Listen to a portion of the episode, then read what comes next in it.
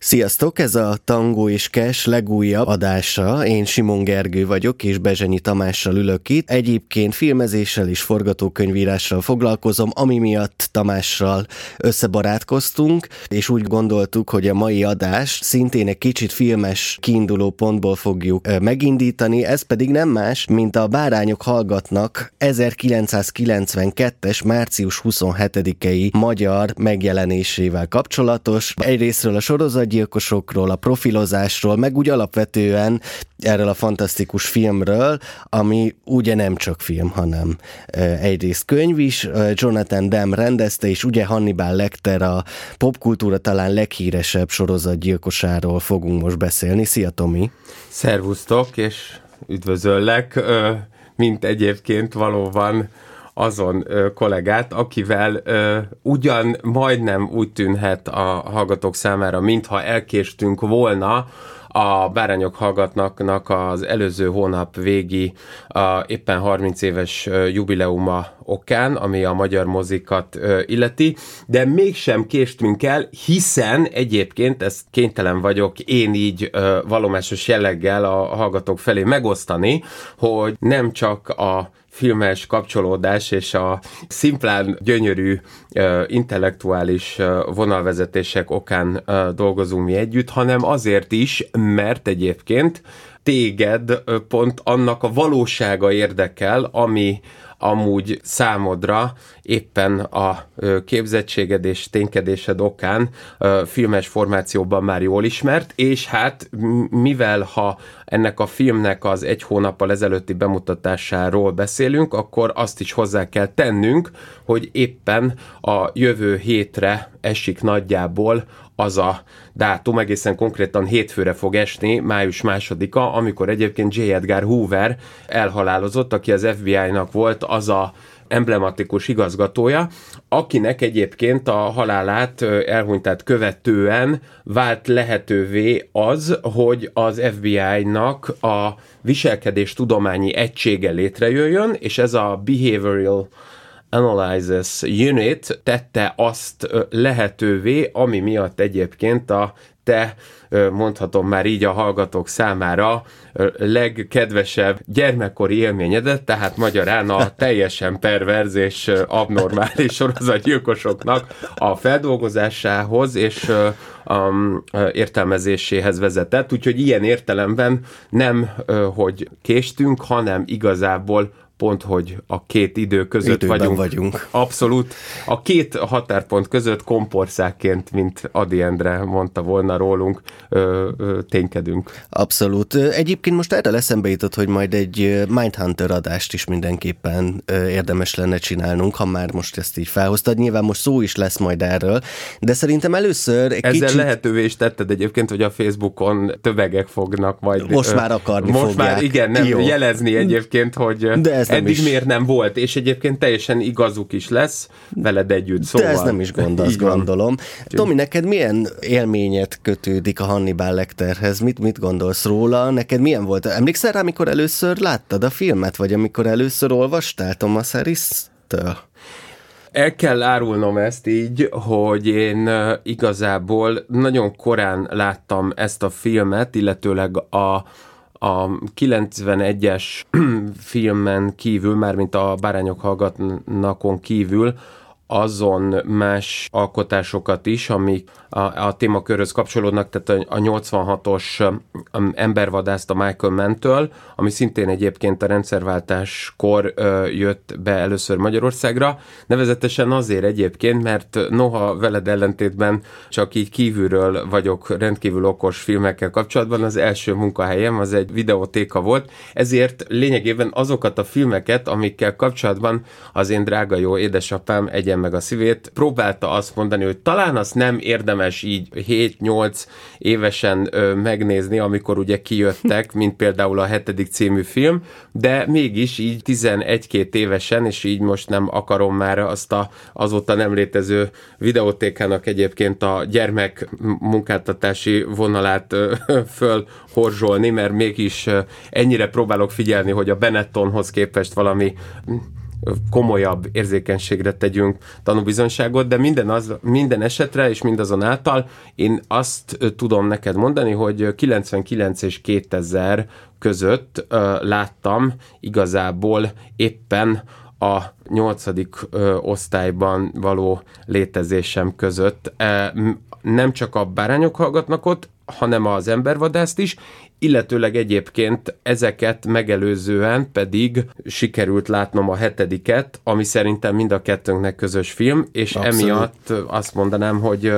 hogy ezek azok a filmek, amiket szerintem talán mi befogadók, akik podcastot csinálunk, viszont túl korán láttuk, és emiatt vagyunk úgy obszesszálva, mint ahogy egyébként a hőseink amiatt vannak el bizonytalanodva a normalitás világában, mert ők viszont túl korán lettek talán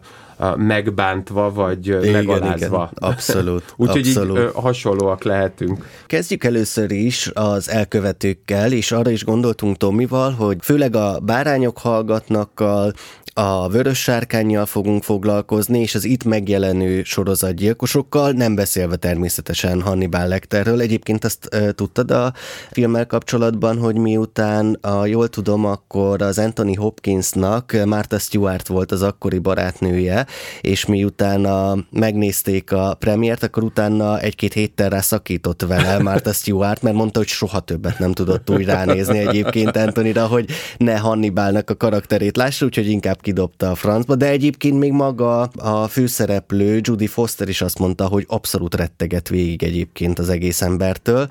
Szóval szerintem kezdjük Hannibállal alapvetően. Mesélj róla, hogy szerinted, vagy mik azok, amiket lehet tudni, hogy kiknek a karaktereiből gyúrta össze ezt Thomas Harris, aki ugye egyrésztről ő is profilozással is foglalkozott, és másrésztről itt megint egy kicsit a Mindhunter-t bele tudjuk vinni, mivel ugye a John Douglas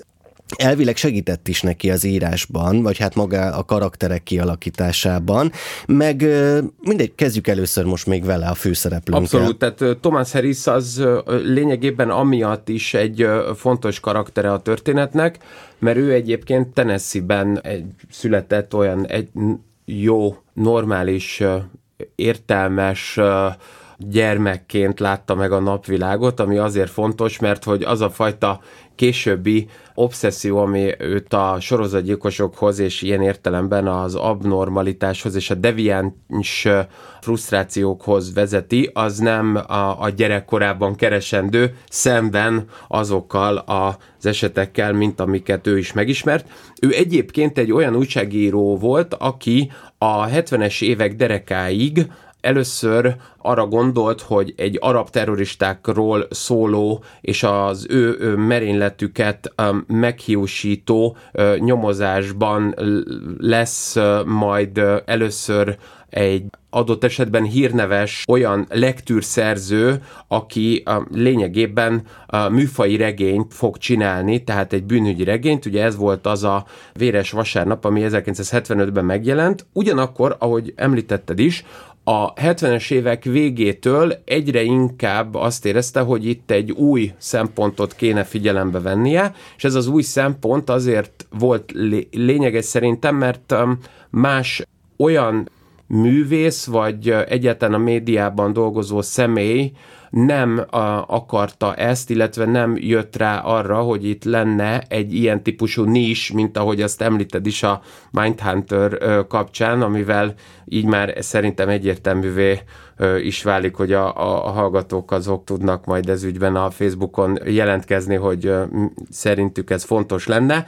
mert hogy igazából ő volt talán az első olyan író, ha mondhatjuk ezt így, legalábbis a a jelenlegi visszaemlékezők alapján, aki az FBI-nak a viselkedés tudományi egységéhez elment, és ott egyébként megpróbált együttműködést folytatni. Az egy nagyon lényeges dolog, hogy ugyanakkor, amikor egyébként a, a, a Hoover halála lehetővé tette ennek a viselkedés tudományi egységnek a létrejöttét, Ugyanakkor az is ö, megvalósulhatott, hogy egyáltalán először az FBI történetében a női ügynökök is dolgozhassanak az, ezen állami szolgálatnál, és ilyen értelemben különféle tagállamokban egyaránt. Na most az a helyzet, hogy a Harrisnek a viszonya szerintem, és a Harrisnek a kapcsolata ehhez a témához, az azért lényeges, mert ugyan mi most itt a Bárányok hallgatnak című regény és abból készült film apropóján beszélgettünk erről, de valójában azt lehet, hogy kevesen tudják, hogy az első regény, illetőleg az első adat, amivel elindul ez a történet, az az 1981-es Red Dragon, a Vörös Sárkány című regény, amelyben egyébként Thomas Harris már megteremt egy profilozó és egyébként az FBI ügynökeként dolgozó Will Graham nevű karaktert, illetőleg akkor már létrehozza Hannibal Lectert is, de mindezt azért csinálja, mert maga a regény, és az ebből először 1986-ban, ahogy már korábban említettük, Michael Mann által rendezett alkotás, az Embervadász, nak a fő antagonistája, a fő ellenfele, az egy Francis Dollarhide nevű férfi, aki egyébként az amerikai hadseregnél is szolgált, és egyébként a farkas torka és nyúlszája okán pedig folyamatosan kisebb rendőrségi komplexussal ö, szenved, amely kisebb rendűségi komplexus csak növeli egyébként a nagy anyához fűződő, picit abnormális és még inkább leuraló és elnyomó kapcsolat, amelynek a diszfunkcionalitása termeli ki talán azt, hogy a William Blake költőnek a festménye a nevezetesen éppen a, ugye a vörös sárkány, illetve a napba öltözött asszony festmények alapján gondolkodik abban, hogy ő egy valamilyen többlet emberré, nem akarok itt nagy Nietzsche vonalon übermencsé avanzsálni senkit, de mégis valami perverz plusz emberré, vagy szuperemberré próbálja magát formálni, és ezeket csak azért mondom, mert szerintem eredetileg, amikor arról volt szó, hogy Thomas Harris találkozott az FBI profilozóival, és ugye főként egyébként a, nem csak a később, vagy az általad is említett és később hírnevesé váló John Douglas-szel, hanem egyébként azzal a Ronald Resslerrel, akik egyébként működtették ezt akkor az egységet a 70-es évek derekán, hanem azokkal az emberekkel is találkozott, akik egyébként különféle államokban foglalkoznak sorozatgyilkos ügyekkel, úgyhogy én emiatt azt mondanám, hogy nem csak Francis Dollarágynak van egy valamilyen mixatúraként való értelmezhetősége, hanem igazából Hannibal Lecternek is, úgy, hogy nem akarom már azt így előre lelőni, de mivel a bárányok hallgatnak 25. évfordulós kiadásában lerántja a leplet egy olyan gyilkosról a Thomas Harris, ami a, megalapozta elvileg a Hannibal Lecter karakterét, és majd ezzel így mintegy a 90-es évek magyar televíziózását visszaidézve számodra így visszadobom azzal a labdát, hogy ott egyébként a, a, akinek az apropóján megismerkedik ezzel az úgynevezett Dr. Salazar álnéven általa meghivatkozott emberrel, annak a, az apropója az pedig egy olyan amerikai bűnelkövető, aki szerintem a Francis Dollarhide-nak lehetett a, az alapja, és emiatt én azt hiszem, hogy a bárányok hallgatnak úgy tudott elkészülni, hogy a, az FBI-os tapasztalatait valójában a korábbi újságírói élményeivel tudta összekapcsolni. És itt most pontosan kire gondolsz? Hát egészen konkrétan ugye Dr. Salazar karaktere, amit ö, ö, ö, ugye a az Alfred Bali Trevino nevű mexikói orvosra vonatkozóan említenék föl, lényegében azért, mert hogy maga Harris is azt mondja, hogy ennek a mexikói orvosnak a karaktere volt az, ami az alapot adta meg Hannibal Lecter karakteréhez, de ezzel az orvossal egyébként új Leon tagállamában a Mexikónak azért találkozott, mert Monterrey városában volt egy Topo Chico nevű börtön, ahol egyébként későbbiekben olyan fantasztikus börtönlázadások is történtek, amik miatt a akár a Sicario című filmet is megidézhetnénk. Mindazonáltal az a helyzet, hogy 1963-ban, mint fiatal újságíró, 23 éves újságíró, ott volt Thomas Harris, és egy Dykes Simmons nevű amerikai bűnelkövetőnek a meginterjúvolására készült. Egyébként ő neki a, már a börtönbüntetése alatt megszerzett feleségével, és azért mondom, hogy megszerzett feleségével, mert egy kicsit az derült ki, hogy egy három embert brutálisan meggyilkoló sorozatgyilkosról beszélhetünk Simons esetében, aki nagyon komoly hatást gyakorolt, és igazából befolyásolt egy fiatal asszonyt, aki már az ő börtönbüntetése alatt próbált vele kapcsolatot létesíteni. Ugye ezt szerintem talán jól ismerhetik a hallgatók, hogy hány ember próbál jelentkezni és kapcsolatot létesíteni egyébként több pszichopatákkal vagy sorozatgyilkosokkal, és ez a Simons volt az, akit egyébként akkor 1963-ban éppen azért kellett, hogy orvosi vizsgálat ban részesítsék, mert sikertelenül próbált megszökni ott a Monteri városának a, ebből a topocsikói börtönéből, ki operálta egyébként Trevino, ez az említett mexikói orvos belőle a golyót, majd aztán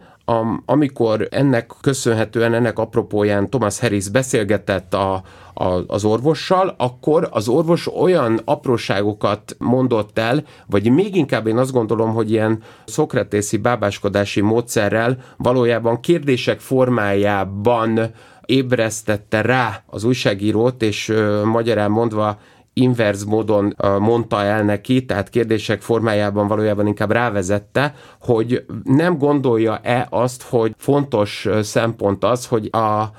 Simonsnak egyébként nyúlszája van, és a farkas torkát is korábban meg kellett műteni, illetőleg nem gondolja-e azt, hogy milyen furcsa, hogy általában egy kicsit ilyen 10-15 fokos szögben félrefordított fejjel beszél nem csak ő hozzá, mint újságíróhoz, hanem mindenki máshoz, és egyébként ez talán a, a magyar viszonyokat jól ismerő hallgatók számára kicsit furcsa lehet, de hogy a zárkában is napszemüveget hordhat, Na most ezek, ezek azért apró, olyan lényeges momentumok, mert én azt gondolom, hogy így a Simonsnak ez a eltorzított férfiassága, vagy ez a fajta gyermekkorából születésétől fogva vele együtt élő rendellenessége lehetett az, ami miatt egyébként egy folyamatos fájdalmat és még inkább elgyötörtséget érzett a nálánál szebb emberek iránt, és szerintem a Francis Dollaride-nak a karakterét a Vörös Sárkányban például ez azért is indokolhatja, mert hogy ugye pont ugyanilyen arc problémával küzd az ottani főszereplő, vagy antagonista, és amúgy, amiért pedig Hannibal Lecter pedig mégiscsak Trevino alapján elképzelhető, az pedig nem csak az, hogy ez egy alacsony és mégis nagyon jól szabott fehér zakókban és kifinomult modor mellett egyébként egy arany, csak mondom azon hallgató kedvére, akik esetleg óramániákusok, egy olyan Rolex President aranyórával rendelkezett, amit azért azt hiszem, hogy a 60-as évek mexikói büntetés végrehajtásában nem tekintetünk általánosnak, aki egyébként el is mondja annak a Thomas Harrisnek, aki itt a, az egész témának az alapját adja, hogy amikor beszélsz vele, akkor nem gondolod-e azt, hogy az ő arcának vagy megjelenésének a hibái, testi hibái, azok befolyásolhatták azt, ahogy ő viszonyul az emberekhez, és hogy egyáltalán nem gondolod-e azt, hogy a, azok a, az elhalt emberek, akiket ő meggyilkolt, azok valójában nálánál sokkal szebbek. És ezekre ilyen nagyon természetszerűleg mondja nyilván a, a Harris, mint fiatal újságíró, hogy de, ezzel ő egyetért, de Ugyanakkor Trevino az, aki rávilágít arra, hogy az első élmény abban a gyötrelemben, amit megél egy ilyen férfi, mint Simons, hogy neki a nyúlszája miatt megismerkedni bárkivel, az valójában már egy frusztráció, ezt ő úgy mondja el igazából Harrisnek, hogy kérdésként azt mondja, hogy nem érzed, de úgy, hogy egy naplóírás esetén te ezt hogyan tudnád önmagadnak megfogalmazni? Talán úgy, hogy azzal, amikor kimondod valaki ismeretlen felé, hogy hello, az már egyébként a pokolba vezető utat jelenti, és ráadásul mindezt még meg is dobja azzal, hogy azt vázolja neki, hogy ha még többször akar vele találkozni, akkor a legfontosabb az lenne, hogyha levenné ő már, mint Harris a napszemüvegét, mert hogy nem csak a fogvatartott, hanem Harris is imádott napszemüvegben ilyenkor járni ebben a közép-amerikai országban, és megkérdezte Harris, hogy miért, és erre mondta Trevino, hogy hát azért, mert hidd el, hogy egy ilyen ember, mint a Simons, az valójában a te napszemüvegedben önmagát tudja látni. És ez egy nagyon fontos dolog, hogy... Ez megint talán a vörös sárkánya megint csak összekapcsolódik, ahol ugye az elkövető üvegeket tesz a áldozatok szemébe, hogy lássák az ő átalakulását tulajdonképpen ebből az egész tehát tényleg az átalakulását abból, hogy megvannak a maga problémái, mint a nyúlszá, és ő ezen hogyan emelkedik fel igazából minden ember fölé, mint már egy új entitás tulajdonképpen, ami itt a filmekben sokszor előfordul, legalábbis szerintem maga ez, ahogyan a sorozatgyilkosok legyen az mondjuk Anthony Hopkins, tehát Lecter, ő is igazából a társadalom felett érzi magát, és azáltal, ahogyan megöli az embereket, ez mind-mind igazából csak megerősödik benne, és ezáltal mindenki áldozattá válik, de ez egyébként nyilván a többi sorozatgyilkosnál is előkerült, legyen az az odiákus, vagy bárki, mindenki igazából a saját játszóterének érezte egy idő után már a, a, a világot, minden tulajdonképpen, vagy a vadász területét. Igen, és ez annyira igaz is, hogy szerintem pont valóban a, a fogtündér jellege a, a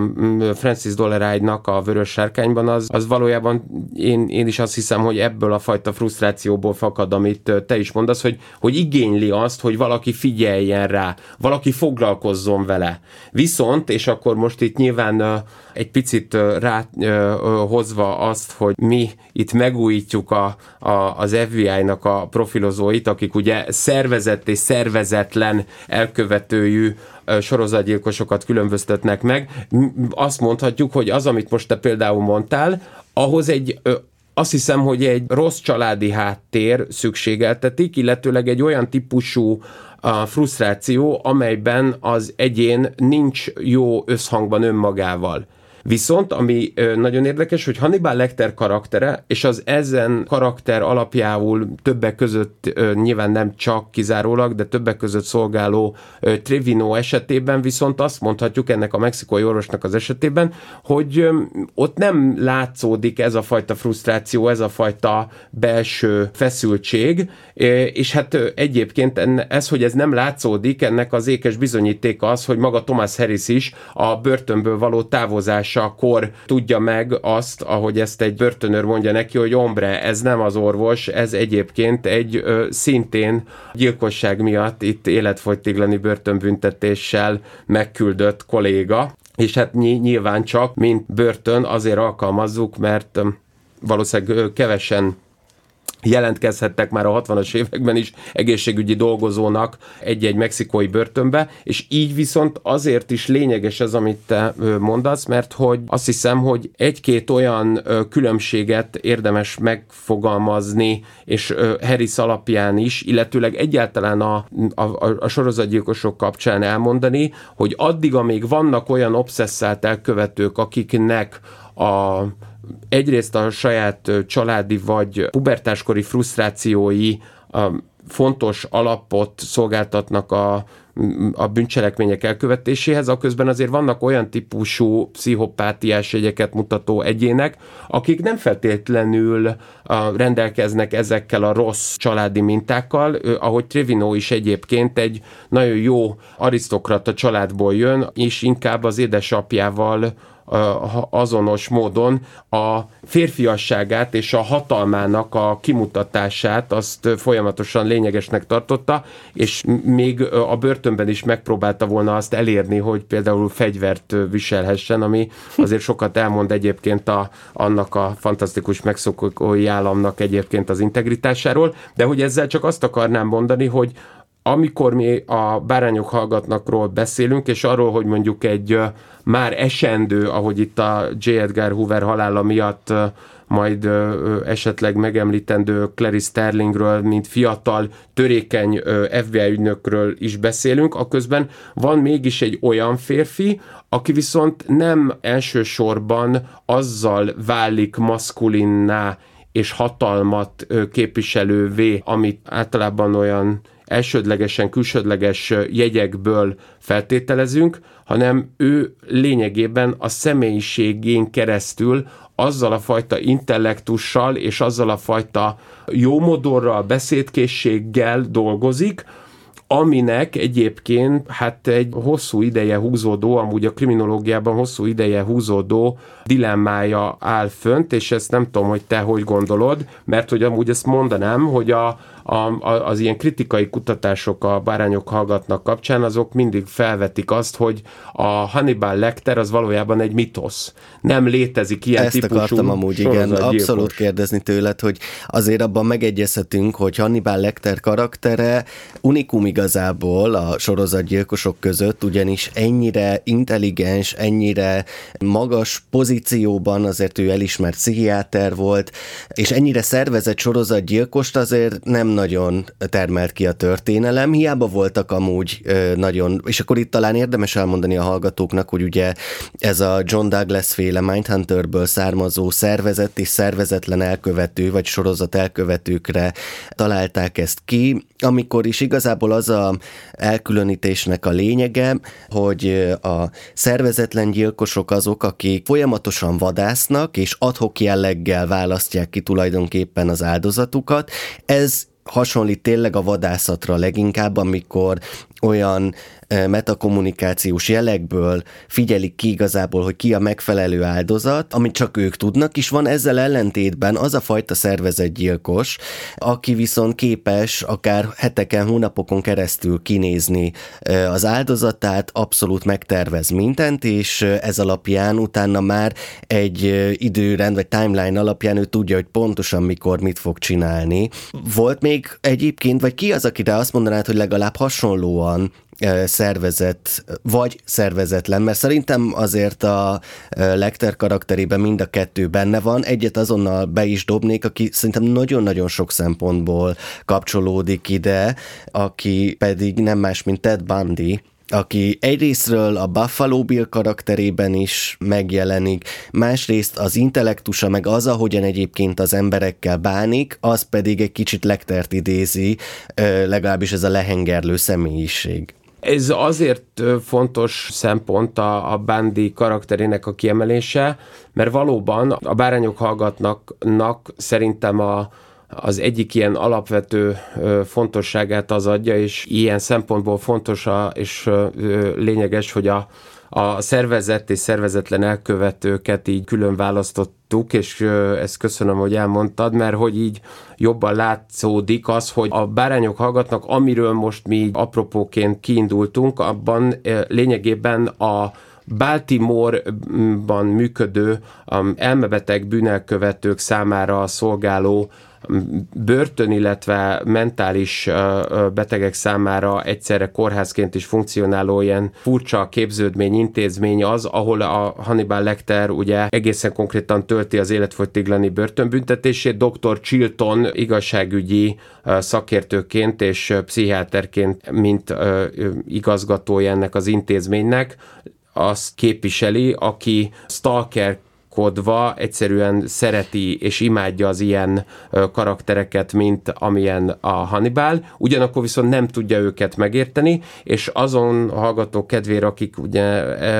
adott esetben nem látták a bárányok hallgatnak ott, azoknak azt el kell mondani, hogy ez a Baltimore-i kórház-szerű börtön azért fontos a film számára, mert lényegében egy Clary Sterling, Jodie Foster, ahogy említetted, karaktere, mint fiatal FBI ügynök, arra van felszólítva a Jack Crawford nevű főnöke által, akit Scott Glenn játszik, és lényegében John Douglasből lett mintázva, hogy menjen el és töltsön ki egy kérdőívet a Hannibal Lecterrel, és egy, ez egy olyan lényegében sablon kérdőív, amit a legtöbb sorozatgyilkossal ki akarnak töltetni, de mondjuk az olyan intellektusok, mint amit mondasz, Lecter, azok egyébként ennek ellenállnak, és maga a film, mint történet arra az egész alapkonfliktusra épül, hogy miközben egy fiatal, még betanuló FBI ügynök nő felveszi a kapcsolatot egy egyébként, ahogy már ezt a mexikói orvos kapcsán beszéltünk, hatásmechanizmusokkal egészen jól élő Hannibal Lecterrel, Aközben ezt egy gyakorlati probléma miatt is meg kell, hogy valósítsák ezt az együttműködést, hiszen egy Buffalo Billként elnevezett sorozatgyilkos után ö, nyomoz éppen az FBI, és Buffalo Billt egyébként azért is használták az, a film szerint a, az ügynökök ö, és a rendőrtisztek, mint becenevet, mert hogy csak akkor jön szerintük hangulatba, akkor jön igazából férfias hevületbe, amikor nyúzni kell. Mert hogy a Buffalo Bill karaktere, ez egy olyan személy, aki az általa elrabolt, és azok a, azon elrabolt fiatal molett lányoknak a jó pár napos kiész, kiéheztetése után nem csak megöli őket, hanem le is vágja, és nagyon szisztematikusan és hát eléggé precízős módon leszedi róluk a bőrt, utána motorolója lesz még egyébként be is kenni azért, hogy a ruganyosságát megőrizze, és ebből szeretne magának varni egy olyan női bőrre épülő ruhát, amivel ellensúlyozni tudja azt, hogy nem tudja a saját maga önképe érdekében a nem váltó mújtétet megoldani, mert hogy nem engedélyezik számára azok a kórházak, ahol erre akkor lehetőség lett volna a történet szerint is. Ezzel azt akarom mondani, hogy amennyiben Hannibal Lecter karakterét én pont ezért emelném be a Trevinohoz kapcsolódva, mert ahogy te is mondod, nagyon kevés ilyen típusú a sorozatgyilkost látunk. Én azt gondolom, hogy Hannibal Lecter karaktere azért is furcsa, mert hogy a felsőfokú végzettségnek a megszerzése, sőt a hosszú távon adott esetben sikeres ö, értelmiségi vagy magas társadalmi státuszú életpályának a kivitelezése, az nem túl gyakori, még egyébként az általad is említett szervezett jellegű bűnelkövetőnél, mármint sorozatgyilkos esetében sem. Tehát Trevino azért lényeges, mert őt ugyan csak egy fiatal szerelmevel szembeni emberülés miatt ítélték el 1959-ben, de a későbbiekben is fölmerült az, hogy, hogy adott esetben stopposokat és prostituáltakat ölhetett meg, amit ugye nem lehetett bizonyítani, és én azt hiszem, hogy ezért, amikor azt kérdeznéd ö, még inkább tőlem, hogy, hogy, hogy akkor mégis miért van értelme Hannibal Lecternek, akkor én azt gondolnám, hogy azért, mert hogy ő az a látencia, amit azt hiszem, hogy igazából nem tudunk megismerni. A hatósági ö, szem az azt hiszem, hogy nem teszi lehetővé, hogy ezeket az embereket azonosítsuk és feltaláljuk őket, de ugyanakkor az is kérdés, hogy egyetem fel lehet-e őket találni. Hát ez az, mert igazából, hogy emlékszel, megint csak egy Mindhunteres vonulat, de hogy Ed Kemper a John Douglaséknek egész konkrétan azt mondta, hogy csak azért kapták el, mert ő azt akarta, hogy elkapják. Egyébként annyira jól csinálta, hogy senki nem jött volna rá, vagy nem hagyott nyomot maga után elvileg, és igazából ebből a szempontból talán egy ekkora intellektus meg aztán pláne meg tudja ezt csinálni, mint ahogyan egyébként csinálta Hannibal. De egyébként ez azért is fontos, igen, mert hogy a, akár a, ugye őt a koleszos gyilkosként uh, ismerték a, a korabeli bűnüldözők, ugye ez a Coed killerként, aki kollégista lányoknak a megölését obszesszálta, és az Ed Kempernek ugye viszont a beszédkényszere és éppen az a fajta a hatósággal való nagyon közvetlen, sőt túl közvetlen együttműködése az, ami szerintem különlegessé teszi, és ez az a másik olyan pont, amiben végül is igazad van, miközben én azt mondom itt nagy elánnal, hogy a Hannibal Lecternek nincs a Trevinon kívül, aki egyébként egy csak egyedüli egy embernek, a, ennek a, az ő 23 éves fiatal, nem tudjuk egyébként, hogy mint szexuális partnerként is felmerülő kollégájának a, a halála miatt volt el, elítélve, de lehet, hogy egyébként nem csak szexuális partnere volt, hanem valóban volt egy vagyoni probléma is, egy ilyen pénzszerzési, egy pénzkölcsönzési dolog, de hogy igazából igazad van, Hannibal Lecternek mégis van egy másik nagyon fontos alapja, az pedig Ed Kemper, hiszen Hannibal Lecter is folyamatosan billeg azon, hogy nagyon közel szereti magához tartani a hatóságot, és egy kicsit olyan talán, Pontosan. mint hogyha a Fekete Dália ügy kapcsán, amit a második világháború utáni Amerikában, Los Angelesben egy fontos bűnügyi szenzációnak tekintettek, annak az egyik ilyen előzménye volt egy Chicagóban az úgynevezett rúzsos gyilkosság, ahol felírja a gyilkos, hogy kérlek állítsatok meg, mert én már fogom. Így van, és én nem tudom magamat megállítani, és minthogyha azzal, amit most mondanál, Ed Kempernek ez a fajta mániákussága a rendőrökkel való kapcsolatfelvétel, és a Hannibal Lecternek pedig a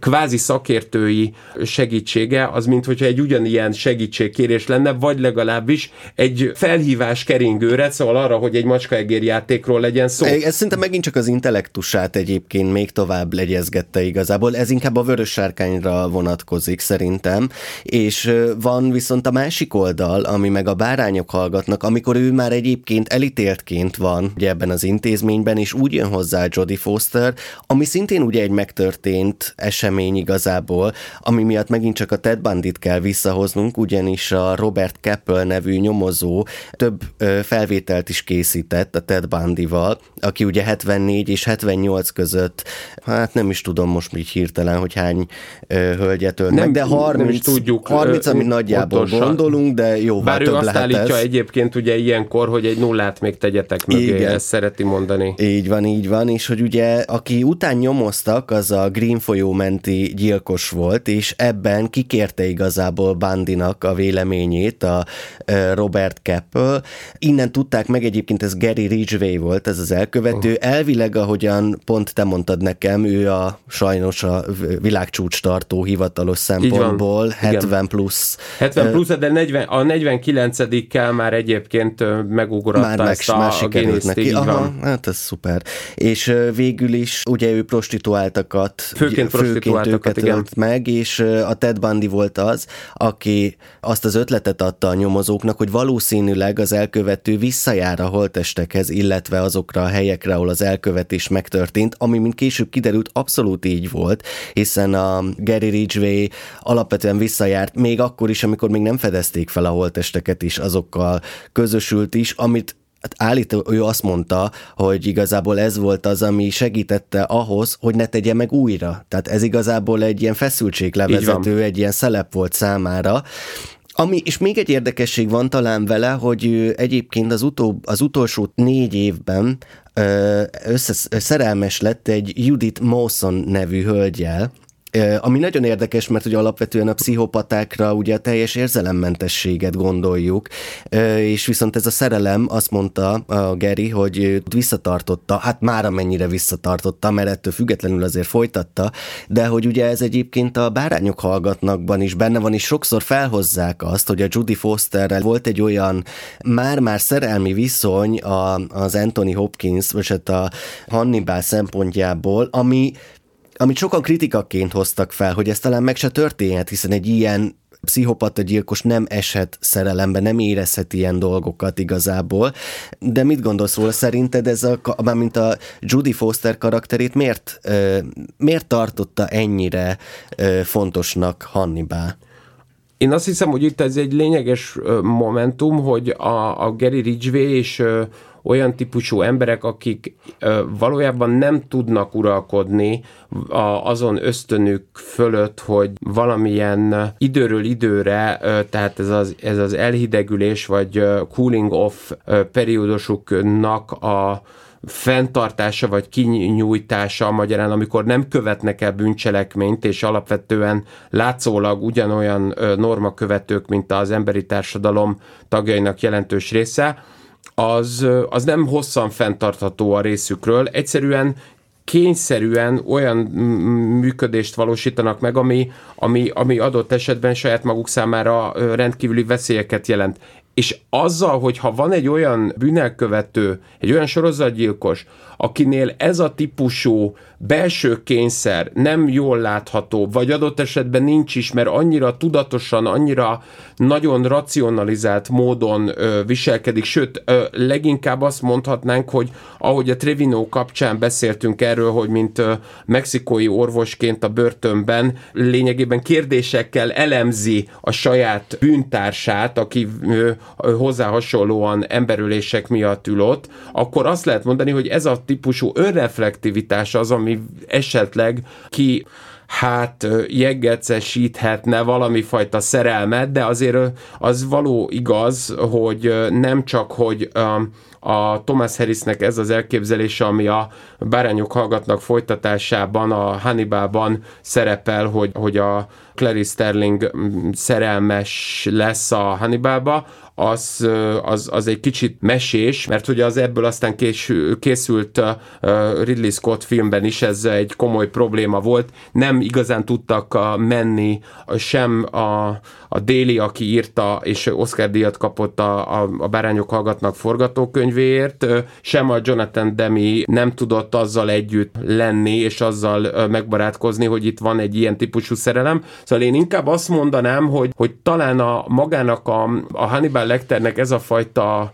hatása, ami, ami adott esetben egy nőre tud gyakorolni, az maximum, csak hogy így a legújabb fogalmakat is behozzuk, ilyen szapioszexualitás. Tehát, hogy az a fajta nagyon komoly intellektus, ami adott esetben egy nőnek imponál. Viszont az általad korábban említett elkövetők, nem csak Gary Ridgway, hanem a Ted Bundy is, azok szerintem pont, hogy a Buffalo Billnek a, az alapjául jobban tudtak szolgálni, tehát ez a Ted Levine által alakított olyan bűnelkövető, aki a Bárányok hallgatnakban, ugye a, az idősebb édesanyja és egyetlen az idősebb nőktől való félelme miatt fiatal lányokhoz tud kapcsolódni, és azokat, azokhoz úgy kapcsolódik, hogy egyébként olyan emblematikus sorozatgyilkosokat, mint Ed Gein használtak föl a karakterének a megalapozásához, hogy, hogy a bőrt hogyan használja föl, ami ez valóban létezett Ed Gein esetében, illetve Ted Bundy pedig azért fontos ebben az esetben, mert a filmben és a regényben is egy szenátornak a lányát látjuk, ahogy elrabolja, és ott lényegében a furgonjába próbál látszólag törött karral berakni egy fotelt, és maga a lánya lesz az, aki segítséget ajánl neki. Igen, egyébként ez érdekes. Ted Bundy ö, csinált nagyon gyakran, sőt, Ted Bundy nem csak, hogy ezzel élt, hanem még a, a mankóján kívül, ráadásul egy Volkswagen bogárral dolgozott, szóval azt tudnám mondani, hogy azt hiszem, hogy az a fajta ö, szerelmi, vagy ilyen olyan típusú ö,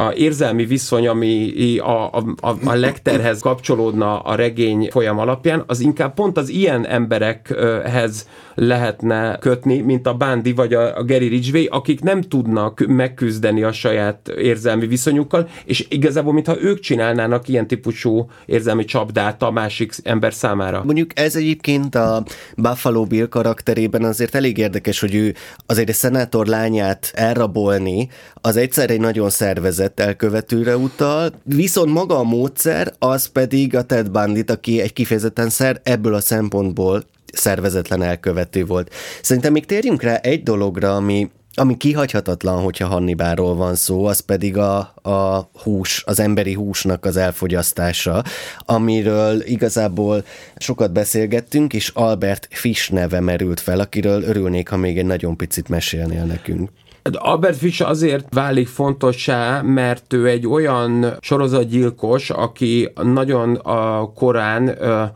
jelenik meg igazából a, a kriminalisztika történetében, a bűnözés történetben. Ugye eleve az, hogy sorozatgyilkos, mint fogalomról beszélünk, ugye ez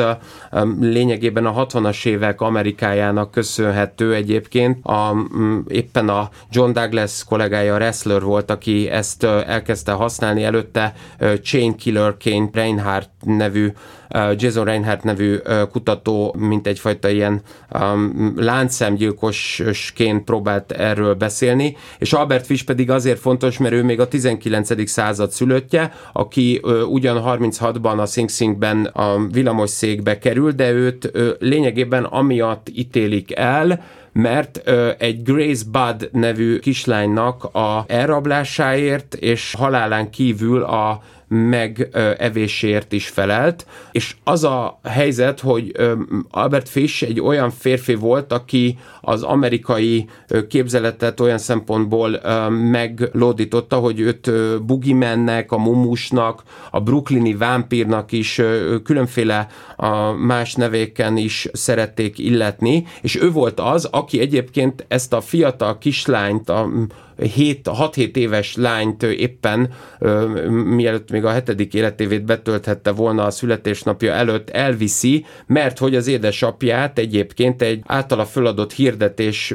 kapcsán megpróbálja alkalmazni látszólag. De csak azért, mert valójában a férfit, aki a hirdetésre így jelentkezett, azt akarta megölni, és amikor ott van a férfinél, ott van a családnál, a bát családnál, akkor jön haza, akkor hozzák haza a kis Grészt, és akkor úgy dönt, hogy inkább mégis őt fogja megölni, és nem csak, hogy azra gondol, hogy őt fogja megölni, hanem még redesül arra is gondol, hogy őt akarja igazából hát egészen konkrétan megkóstolni, és ez pedig azért nagyon fontos, mert a, az az emberölés, amit ő így a Grace felé, és amiből ebbe, ez, ebből a szempontból bizonyítható ügy lett,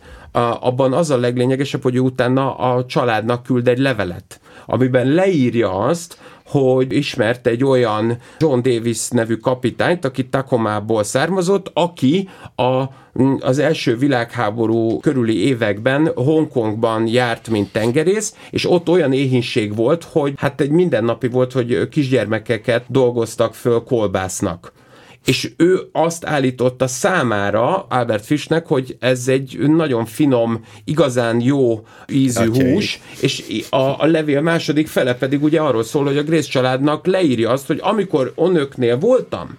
és önök éppen azért, mert a férjüket szeretném alkalmazni, még ráadásul meg is invitáltak egy vacsorára, akkor én azért hittem azt, hogy elkérhetem önöktől a gyermeküket, mert tudtam, hogy nem fognak rá nemet mondani, hiszen én fogom, mint munkaadó alkalmazni a férjüket, de még ráadásul abban is hittem, hogy önök örülni fognak, hogy én valami magasabb társadalmi státuszú egyéneknek mutatom be az önök gyermekét, és azt hiszem, hogy talán ez a leglényegesebb legérdekesebb pont, hogy azt, amit Hannibal kapcsán a filmekben és a regényben látunk, hogy ő egy komolyan vehető notabilitása az adott abban az esetben a Vörössárkány és a, a Bárányok hallgatnak miatt a, a Baltimori arisztokrácia része, azt azt hiszem, hogy a valódi sorozatgyilkosok, akik alapul szolgálnak az ilyen karakterekhez, azok sokkal kevésbé ilyen típusú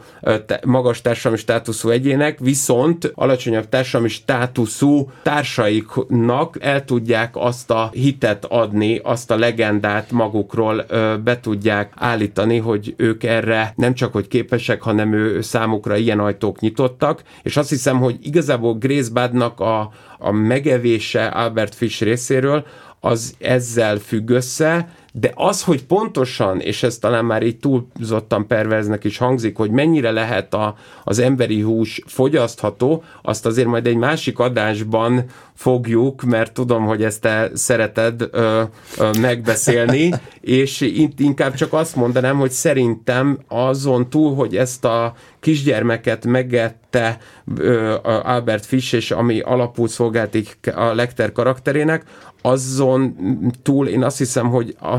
az emberi húshoz való viszonyt azt én onnan tudnám megközelíteni, hogy Albert Fischnek a medence csontjába több mint tíz tű volt egyébként, mielőtt a Sing Singbe villamosszékbe került volna, nem hitték el az orvosok, és meg kellett röngenezni, hogy kiderüljön, és lényegében neki a fájdalom olyan örömszerzés volt, ami miatt nem csak, hogy először egyébként áramszünet keletkezett a Sing Sing börtönben, amikor meg akarták ölni, tehát háromszor kellett szegényre, mint elvileg Péter apostolnak is megtagadni az urat, szóval, hogy nagyon keményen kellett fellépniük, hogy megöljék, de hogy azt hiszem, hogy ha valaki ennyire a fájdalmon keresztül tudja csak az élvezetet megélni, akkor azt talán feltételezi, és remélem, hogy itt akkor a norma követő többséghez beszélünk, hogy a, az emberi hús mégsem annyira finom, ha a fájdalmon... Igen, és... ez egyébként amúgy talán szóba is, tehát hogy a, a, nem véletlenül nem említettük, de hogy a Hannibal ébredésében is ugye innen, hogy ehhez datálható tulajdonképpen az az, hogy a háborúban Hannibalnak és a testvérének, meg de mindegy, tehát hogy ott ilyen zárt szituációba kerülnek német, ha jól emlékszem, német katonák, vagy Igen, tehát hogy ott, a, ott az ukrán frontnál valójában ukrán látnia kell azt, hogy, hogy, hogy megeszik a saját ez, családját. Igen. Tehát az ukrán, vagy hát eleve a keleti fronton ez gyakran megtörtént, de egyébként szerintem ez egyrészt egy nagyon elhibázott dolog az egész Hannibal karakterrel kapcsolatban, mert hogy ami a sorozatgyilkosoknál a legtöbbször felmerül, az maga a tethelyről vagy az áldozatoktól való bármilyen apró tárgynak az elhozása, ezek a gyűjtögetése, vagy pedig ugye, ahogyan a Green folyómenti gyilkosnál is visszamenni a tett helyszínére, mert ezáltal egy újra átélhetik magát azt az elkövetést, ezt a, magát azt a pillanatot, amikor kioltják az emberi életet, és ekkor egy olyan hatalom van a kezükben, ami, amit, amit keresnek talán valamilyen szinten szinten ezek a gyilkosok, mert máskülönben amúgy nincs meg ez a hatalom az életükben, legyen a szexuális frusztráltság, vagy más okból kifolyólag. Hannibal szerintem legalábbis hasonlóan hasonló dolgok miatt sosem úgy eszik igazából embert, hogy akkor neki látna egy combhúsnak, hanem mindig gaszonómélag elkészíti azt az adott falatot, és tulajdonképpen ennek az egésznek az értelme az, hogy ő ezt a pillanatot, amikor valaki felett ilyen hatalmat gyakorol, azt ő palackba zárja, és azáltal, hogy megeszi, ez innentől kezdve örökre benne marad, és hát azt megint csak ne vegyük el, hogy amúgy a tárgyi bizonyítékokat jobb nem gyűjtögetni egyébként így magad körül, hanem megeszed, te tudod, hogy ott van, viszont a nyomozó hatóság nem biztos, hogy ezt már ellenet fel tudja majd hozni, úgyhogy azt hiszem talán ez ennek az emberevisnek, de biztos vagyok benne, hogy Albert Fish karakteréből is, tehát hogy onnan kellett ennek kiindulnia, hiszen ő volt ebből a leghíresebb. Abszolút onnan indult ki szerintem, és a, a azt hiszem, hogy Thomas Harris ebben a szempontból már olyan ö, durván lépett túl, ami se neked, se nekem nem tetszik. Ugyanakkor természetesen Dante-nak az Új Élet című versciklusában vannak azért olyan szövegek, amiket ö, mind a ketten, illetve pontosabban én neked köszönhetően imádtam meg. Ugye a Videcor Meum, ami latinul ugye a néz a szívembe a frázisként Patrick Cassidy-nek egy olyan álloperája, ami szerepel a Hannibal, tehát a Hannibal ébredése, mint előzmény mellett a, a, az utolsó és a, a Hannibal történetnek a lezárásául szolgáló filmben, ami csak azért lényeges, és azért említeném, hogy amennyire te azt mondod, hogy az már túlzottan elemelt, és már az nem tudjuk igazán kapcsolni, és valóban én is azt hiszem, hogy ott az a fajta háborús magyarázat az egy ilyen neutralizációs technika, amivel igazából értelmessé akarjuk tenni norma követő ember számára is, hogy valaki miért lesz gasztronómiailag egy nagyon elkötelezett híva az emberi húsnak. Aközben én azt hiszem, hogy pont ez a fajta hát lírai érzékenység, amit hm. viszont a Videkor Meum teremt, az nekem elfogadható, és ezt csak azért mondom, mert hogyha ezt a vonalat folytatjuk, ahogy azt hiszem, hogy folytatjuk, akkor pont ez a, az új élet, és itt a, a, a szívünkbe való belenézés az, ami azt hiszem, hogy még alapot szolgáltat arra, hogy a, a sorozatgyilkosok tipológiáját a Hannibalon keresztül értelmezzük, és hát én is csak remélem, hogy Albert Fish története az nem arra mutat rá senkinek, hogy, hogy érdemes lenne azt megkóstolni, amit vel inkább meg kéne tanulni együtt élni. Mert ugye, ha már a, a műsor elején beszéltünk arról, hogy számodra is fontos a hetedik című film, Abszolút. akkor csak ö, ö, szerintem így mondhatjuk a hallgatók felé is, hogy Somerset nyomozó azt hiszem azt mondaná, hogy hát igen, mert a szeretet az alapvetően munkával jár, törődéssel, az nem magától értetődő, és hát sokkal egyszerűbb, igen, nyilván brutálisnak lenni. Így van. Köszönjük szépen mindenkinek, aki meghallgatott minket, nagyon köszi Tomi mindent. Nem sokára jelentkezünk a következő adásra. Sziasztok! Szervusztok!